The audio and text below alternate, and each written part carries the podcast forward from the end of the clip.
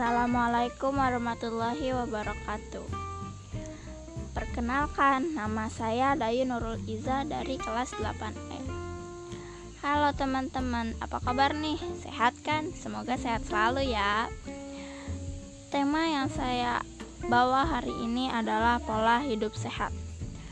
Pola hidup sehat itu selalu berhubungan dengan faktor makanan yang menyehatkan serta menjauhi dari pola makanan yang tidak sehat yang nantinya akan menyebabkan hari-hari kita menjadi suram karena timbul penyakit.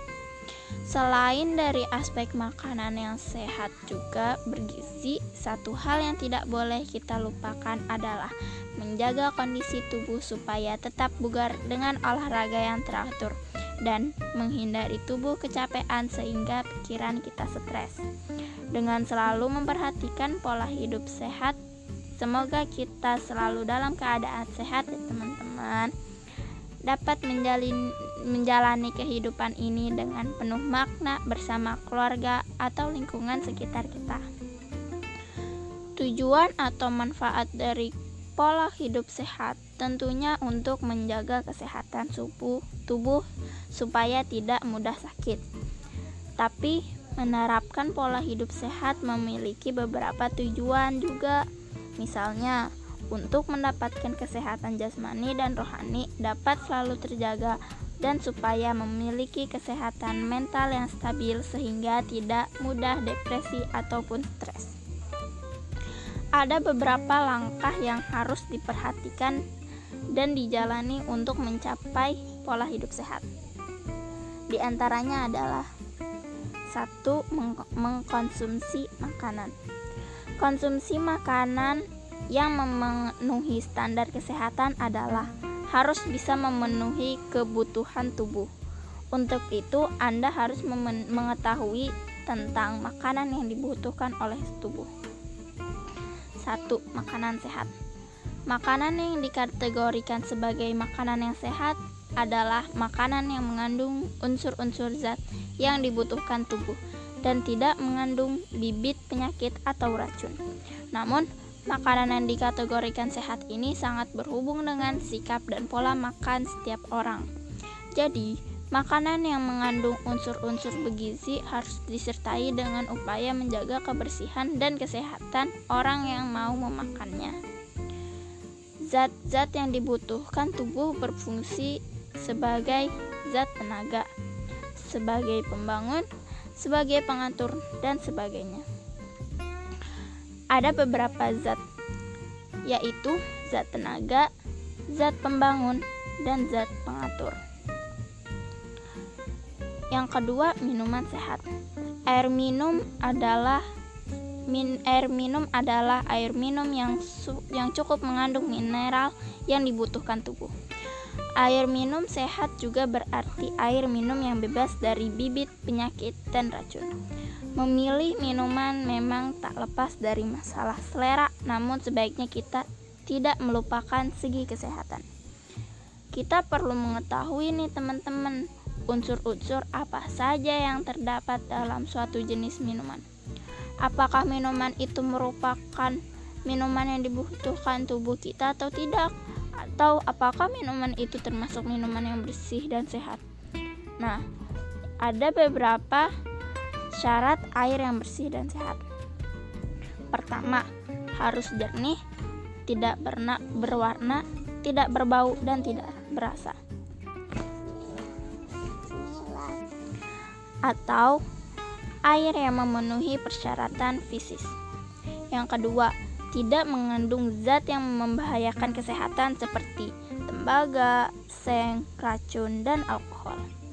Yang ketiga, disebut air yang memenuhi persyaratan chemis atau kimiawi. Yang keempat, tidak mengandung benih-benih penyakit misalnya tifus dan disentri. Yang kelima, cukup mengandung mineral yang dibutuhkan tubuh. Selanjutnya ada gizi seimbang. Kita sudah membahas bersama tentang minuman yang bersih dan sehat. Ada beberapa minuman yang sangat dibutuhkan oleh tubuh kita seperti air, kopi, jus, susu, dan lain sebagainya. Semua minuman bermanfaat bagi tubuh tetapi belum kita belum tentu semuanya dibutuhkan oleh tubuh kita. Karena itu, kita perlu menjaga keseimbangan gizi. Jika tidak ada keseimbangan gizi, maka zat-zat yang kelebihan akan menimbul, menimbulkan penyakit baru. Misalnya, kita makan makanan yang bergizi tinggi tetapi tidak melakukan olahraga, maka dapat mengakibatkan obesi, obesitas atau kegemukan yang berlebihan.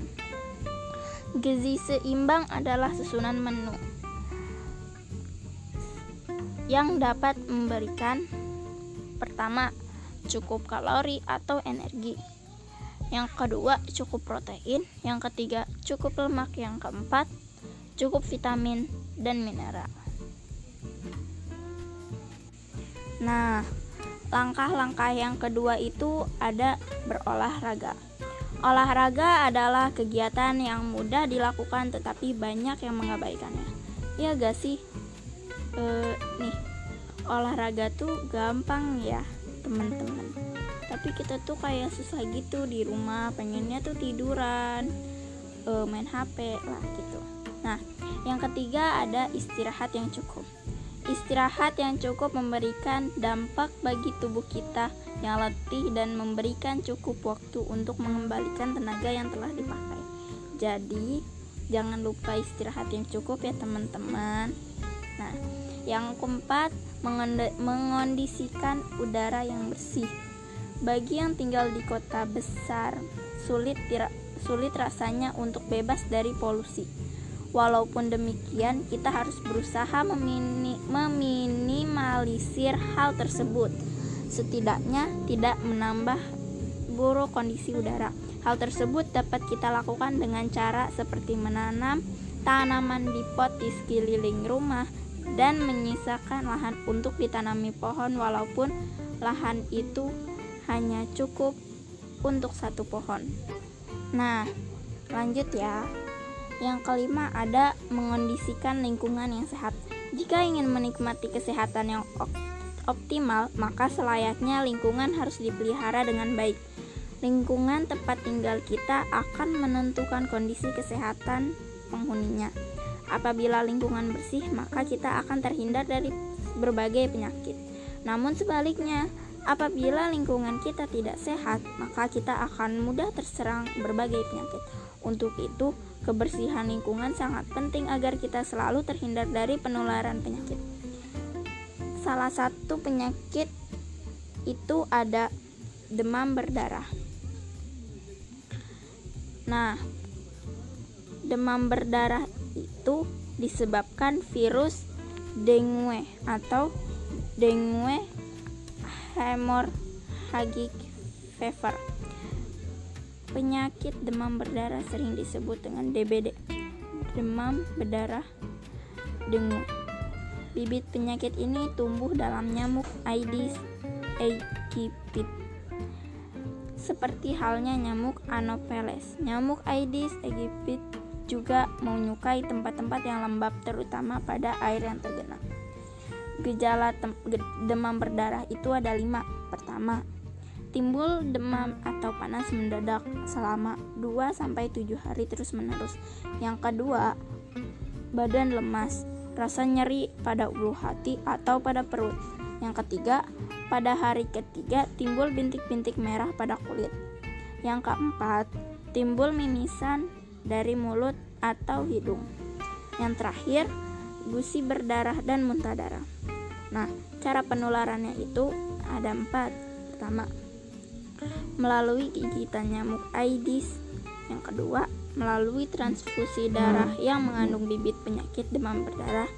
Yang ketiga, ditularkan oleh ibu yang menderita demam berdarah kepada anaknya.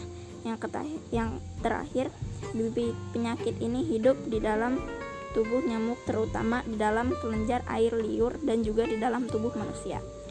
Cara pencegahannya juga ada empat. Pertama, membersihkan lingkungan. Yang kedua, tidak menciptakan genangan air yang menjadi tempat berkembang biak nyamuk. Yang ketiga, menghindari gigitan nyamuk. Yang terakhir, pengasapan atau fogging untuk mematikan nyamuk.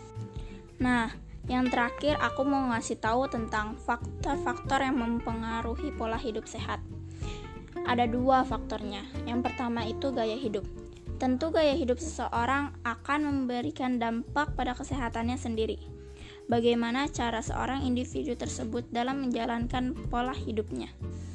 Gaya hidup seorang individu juga bisa terpengaruh, dari lingkungan sosialnya. Yang kedua, perubahan gaya hidup. Zaman dan perekonomian semakin maju serta selalu mengalami perubahan. Tentunya dengan perkembangan teknologi yang semakin maju dengan pesat. Banyak yang dirasakan saat ini manusia sudah malas untuk bergerak dan sering mengkonsumsi makanan maupun minuman yang tidak sehat serta selalu berperilaku yang dapat merugikan kesehatan.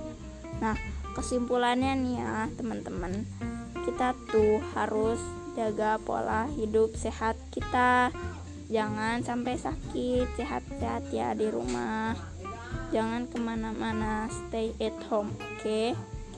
nah itu aja yang bisa saya sampaikan. Kurang lebihnya mohon maaf. Wassalamualaikum warahmatullahi wabarakatuh